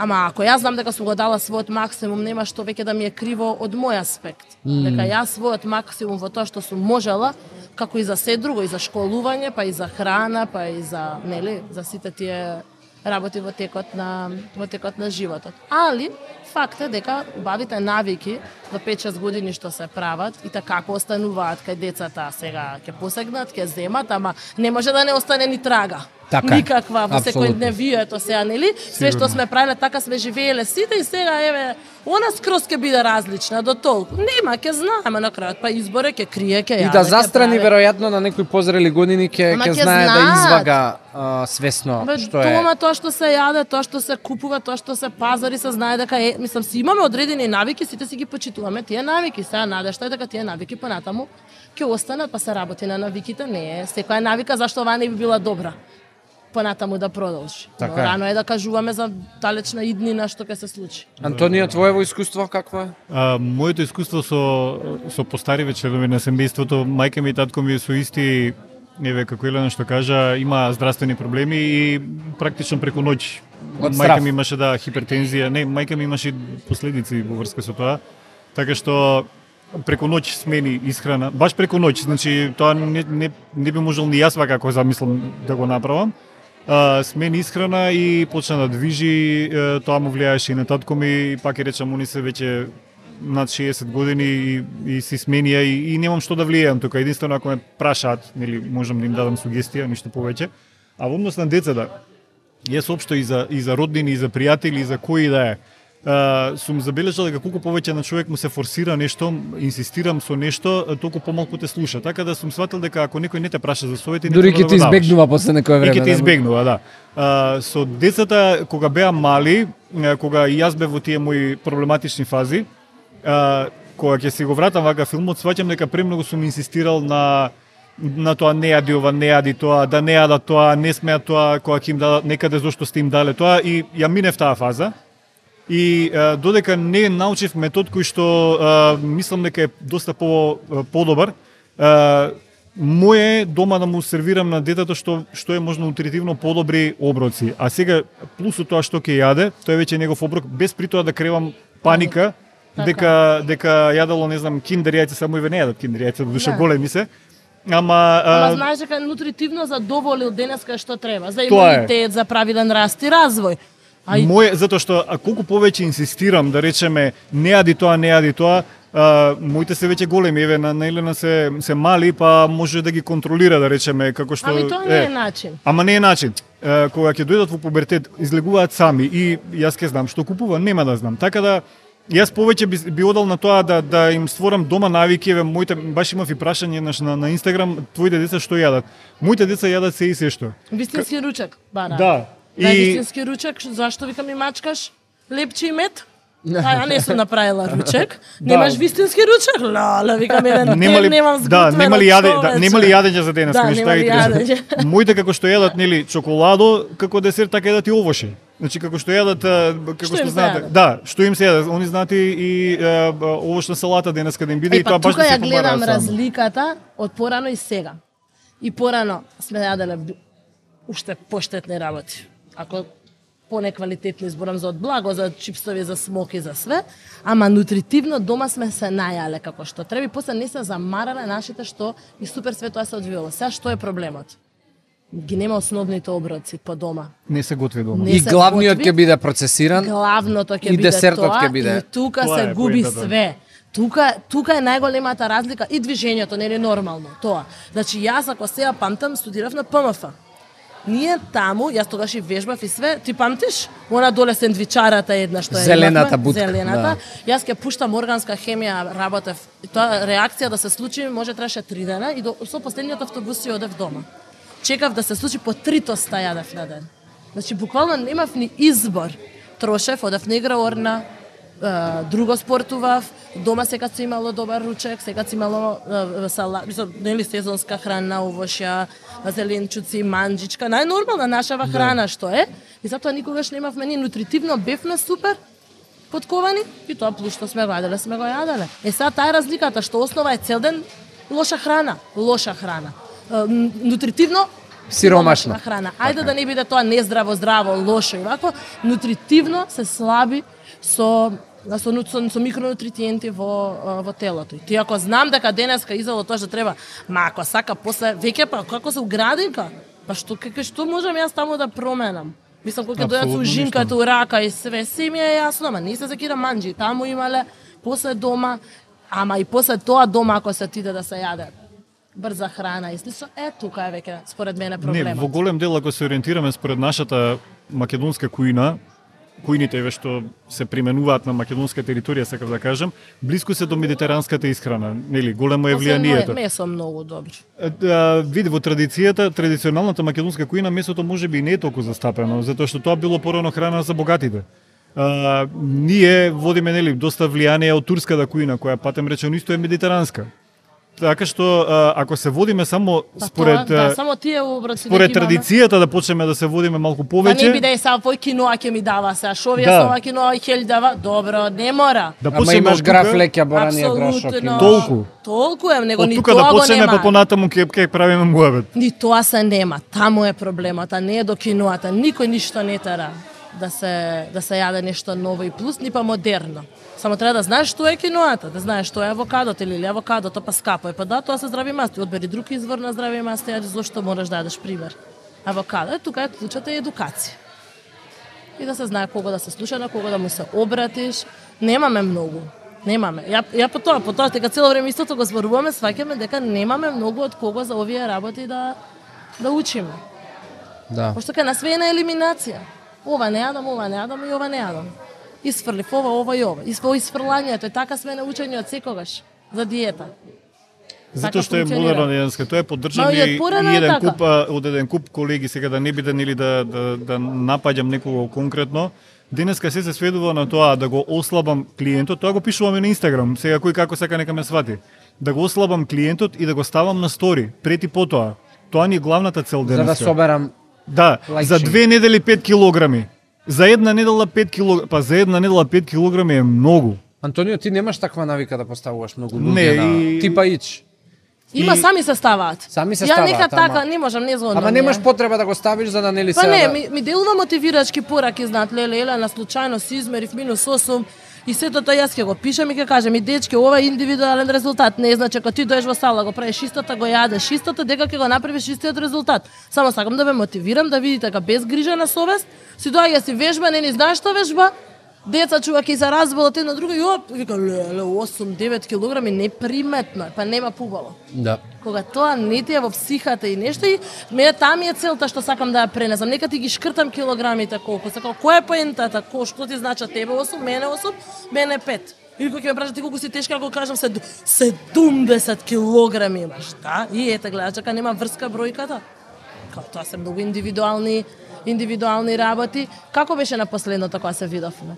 Се додека а, храната ја гледаме преку само како конфекциски број е многу голем проблем. При тоа да не сме свесни дека како расте телото надвор, така се задебелуваат и внатрешните органи во нашето тело. Кога тоа ќе се разбуди во нашата глава, е тоаш многу поистроено ќе се однесуваме према према исхраната, зашто ние сите пред оу 42 што и да значат бројките, не знам, 44-ка, 38 ова е многу, а пред тоа се замастил, црн дроб се замастил, друг орган во телото, висцералните масти се покачиле во нашето тело, им се губи нивната функција, кажи ме нешто ако Толку сгрешив. се оди а, со диети, јас конкретно а, ми доаѓаат луѓе со дигестивни проблеми, а, да речеме некои што се стварно тешки од а, типот на колитис или не знам или на а, иритабилно дебело црево. Значи тие луѓе прво треба да им најдем храна што ќе им Им го одговара, да. И доаѓаат вика, ама па, а, Антонио те молам да не се здебелам. Че, да го решиме прво здравствениот проблем. До толку е, е до толку се доминантни тие диети, тоа диетарење што Па го тоа е модерно сега да си така Тоа е модерно фит. денес, да. Да, ете, малце Ме- виша како имаш, е како проблеми, тоа не можам тоа никако да го разберам, како тоа сите ќе бидеме фит кога јас, мојата работа е на ноза. Цел ден, а твојата работа е седење 9 сати. Како може да истото да го правиме, истата храна, и ти да си на диетата, иста пример со твои калории, нема да ги постигнеме истите нема да ги постигнеме да, истите да, да. резултати. Не уби таа работа, човештвото го уби, тие луѓе доволно е да се здрави, да имаат здрав рбетен стол, мускулатура што ќе им го држи, да не ги боли, да имаат енергија да функционираат во денот. Е сега, нормално, ние зборуваме за overweight премногу, каде што тоа представува Не, веќе тоа е веќе друг здравствен проблем. Тоа е сосема друг муавет. Зборуваме за општо, генерално. Инаку јас сум во групата на тие Елена што ги спомна што вежбаат и го пуштаат мозокот на пасење, така да јас сум во таа група. Што многу многу не ме интересира, битно е да дојдам да да го испразнам мозокот. А добро, таква ти е целта. За таа цел вежбаш. И- Вежбањето ги- ми е за тоа. Сите јас и таа цел ги, мислам ги почитувам и јас се доведов до тоа да веќе немам ни програма што вежбам, да сватам дека два дена нозе гледам не можам да чучам леле викам вчера јас колку само да се извежбам зашто во тој период од животот сум кога не можам да се посветам на изгледот што ќе направи тренингот. Поише вежбачите мои го прават, тоа него јас на себе. Наоѓам било кој термин да се протнам, да извежбам, сум успела не, ама ќе ми се смени, мислам дека Зои да пркне уште малце, па ќе можам да вежбам па можда малку и за нешто плюс што ќе ми направи моја лична сатисфакција и тука нема грешка. Моментално вежбам само за да се чувствувам добро. И зашто тоа ми е работа. И, да, и, и континуитет И да кога ќе обеде. се фала тета, јас вака изгледам на 40, сакам да кажам па тренер си како треба да изгледаш. Да, да, Да, да, да. Кога зашто се фалиш, сум родила две, имам раме, и не знам што, па тоа ти е работа цел ден, уште да не си. Како е поентата? Не знам, ние да сме инспирација за тоа, нас ти е тоа работа. Не, не сме огледалото ние за тоа. Да работа ми е така Да, да, да, да. изгледам. Да, ти да, е да. работа така да изгледаш. Се мора да ги делиме работите, дека не може да сме исто. Ама и генетиката е многу битна, така да... Скрос и тоа си има си има влијание. Дечки, фала ви, мислам, и- муабетчи сме сите и може ова да трае до... А вака ти трепкато таму, тоа Да, не, не, не требка туку, треба на свадба да одиш ти, Да, да, добро. треба фамилија да да посветиме До, Да, затва... време. до затварање на маркетов може да се... да, да, да, до 6. А, фала уште еднаш у недела еве доовте да си поправиме муабет и, и ја уживав. А, и верувам и луѓето кои што не следеа уживо, дополнително ова ќе оди како а, епизода и на на официјална кој што ќе биде плейбек после на а, мојот канал. И ќе имаме и сечоци нормално. Нормални Сигурно. сечоци те молам не да ми Зашто? замеруваат после. Што ти зам... Аха, Така се. Ти таму пази што сечеш. Не сечам ја, Никола ќе го. Прво ќе оди на преглед кај тебе, па Не знам, јас од риловите што беа извадени од мојот дел, баш бев задоволен и баш беа поентите извадени од целиот мојот Не, и таму беа поентите, ама знаеш, некојаш луѓе ќе у друга насока одат. Мора да сме Не ја гледаат цела епизода на, Да. на една минута носат заклучок. А, ништо, се гледаме у следна, може би, некоја епизода. Ние Фала приватно ќе се, гледаме, ќе се дружиме, ќе се комуницираме. И поздрав до сите кои што не следевте и фала што одвоивте време. Чао. Чао. Поздрав.